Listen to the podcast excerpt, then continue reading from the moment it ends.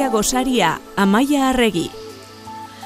Amaia Arregi, Donostia International Physics Centerreko komunikazio arduraduna, ongi etorria, zer moduz? Oso ondo, eta zu?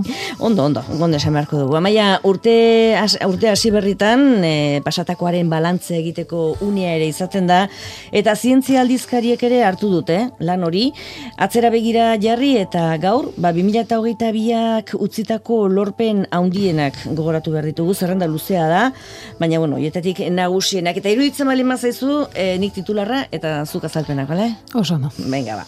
Azteko, hainbat hilabetetan kezka eragin duen energia nuklearra, gaziak eta gozuak utzi dizkigu. Bai, bueno, Ukrainiaren inbasioak utzi dituen irudilazgarrien artean otzikarak sortu dizkigunetako bat tropa errusiarrek Zaporilla Europako zentral nuklearrik handien erasotu zutenekoa da, istripu nuklear baten izua izrutea bezala zabalduz. E, Zaporillak tropa errusiarren menpe jarraitzen du oraindik ere, eta bueno, ba, gerraren ondorioz krisi energetikoa mundu osora zabaldu den hontan ez fisio baina bai fusio nuklearra. Duela pare bat aste jakin dugunez, pauso historikoa emanda Kaliforniako Lawrence Livermore laborategi nazionalean fusio nuklearra errealitate bihurtzeko zehazki erreakzioa abierazteko behar den baino energia gehiago sortza lortu dute laser bidezko sistema erabiliz.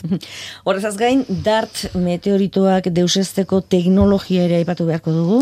Bai, e, Physics War aldizkariaren arabera, urteko mugarri garrantzitsuna nasari zortzaio DART espaziuntzia erabiliz, dimorfos izeneko eunderuro metroko asteroidearen kontra jo eta bere orbita aldatzeko gai izan delako. Lehenengo misioa da hau, demostratzen posible dela espazioan dabiltzan arroken ibilbidea aldatzea. DART espaziuntzia 2008 bateko irailean aireratu zen, eta asteroidearen kontra egin zuen 2008 biko irailean. Noski teknologia honen etorkizun batean, e, bueno, teknologia honek etorkizun batean gure planeta jasan ditzaken eraso katastrofikoetatik ba, besteko baliotzea espero da. bueno, eta beste, beste asko gustatu zaite, eh? titularra bintzat oso polita da. Txerri bat bihotzean, Bai, e, urtarrilean David Bennett Amerikarra izan zen genetikoki modifikatutako txerri baten bihotz trasplantea jasotzen lehenengo pertsona. Ikerlarien arabera, ezinbesteko pausoa da hau, beharko luketen e, gizakientzat animaliak organoitorri izan litezkeen ikusteko. Bennettek beste sortzi astez biziraun zuen trasplantaren ondoren, eta ikerlariak harrituta agertu ziren hainbeste bizi izanaz kontuan izan da, giza sistema immunologikoa genetikoki modifikatu gabeko txerri organoak minutu batzuen buruan erasotzen dituela da. E, hilabete batzuk geroago bi ikerketa talde Amerikarrek independenteki jakainerazi zuten legalki hilik deklaratuak izan ziren, hau da burmuinean aktitaterik ez zuten hiru pertsonen gorputzean txerri giltzurnak trasplantatu zituztela. E, organoak ez ziren baztertuak izan eta pixa sortzen hasi ziren. Ikerlarien arabera urrengo pausoa froga klinikoak lirateke prozedura hauek bizidunen zehaztasunez frogatzeko. Eta osasunarekin lotutako beste hau ere utzi digun, 2008 biak proteinen egiturak aurreikustea lortu dute zentzilariek, adimen artifiziala erabilita. Bai, revoluzionarioa deitu dioten DeepMinden AlphaFold adimen artifiziala erabiliz, berron milioi proteinaren egitura aurrekusta lortu dute ikerlariak gutxi gora behera milioi bat espezietan. Datu basetan bildutako organismoen genomei dagokinez. Iaia ezagunak diren proteina guztiak bilduz. E, AlphaFold ez da ala ere jokalari bakarra, e, metak, lehen lengo Facebookek, bere adimen artifizial propioa garatu du, SM izenekoa, eta 6 milioi proteina posibleren egitura aurreikusteko erabili e, du adimen artifizial hau. Oraindik isolatuak edo kultibatuak izan ez diren bakteria, virus eta beste mikroorganismo batzuetan bueno, adimen, adimen artifizial hauek proteinen diseinuan erabiltzen hasi dira orain, izugarrizko pausoak e, eginez, eta bueno, aplikazio ba, mordoa e, espero dira, etorkizunean, eta helburuen artean ondakin toksikoak garbitzeko eta gaixotasunak tratatzeko gai izango diren proteina berriak diseinatzea espero da.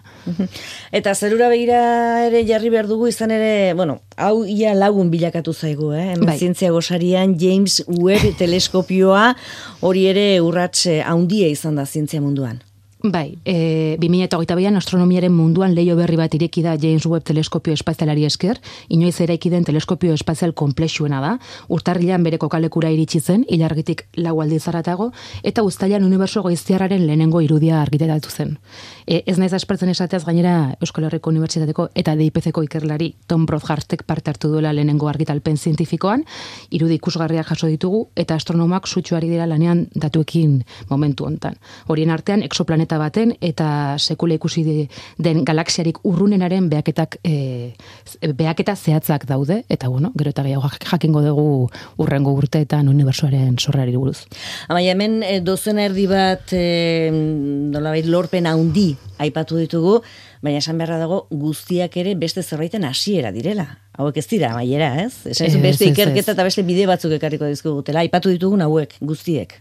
Pero noski baietz, eta, bueno, esan dezun bezala nire txerri bat bihotzean titular asko gozatu zai, baina ez da titular bat bakarrik, osea, pentsatzea bakarrik, eh, jo, eh? Fuertea ez? Eta eta bueno, webek utziko dizkigun kontu guzti horiek. Bueno, aurtengoak ere utziko ditu, jakina bereak, bat behar bada aipatu ditugun hoietatik abiatutako beste ikerketa eta beste lorpen batzuen berri ere izango dugu 2023 garren honetan. Dena den Eta etxera etorrita, zinema eta zientzia zikloaren sigarren edizioa ere hortxe ate joka dugu. Bai, hori da, bueno, kultura zientifikoko agenda beti gustatzen zaigu e, kontatzea. Urrengo astean arkoztuko dugu zinema eta zientzia zikloaren segarren edizioa.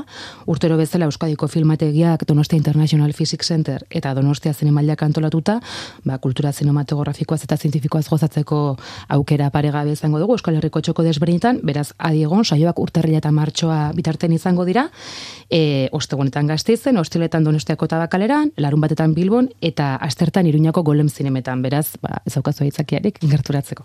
Behintzat, eh, jakin, jakin ezazue, hori ere hortxe izango dela. Ba, mila esker, amaia eta horrengor arte. Bizuei.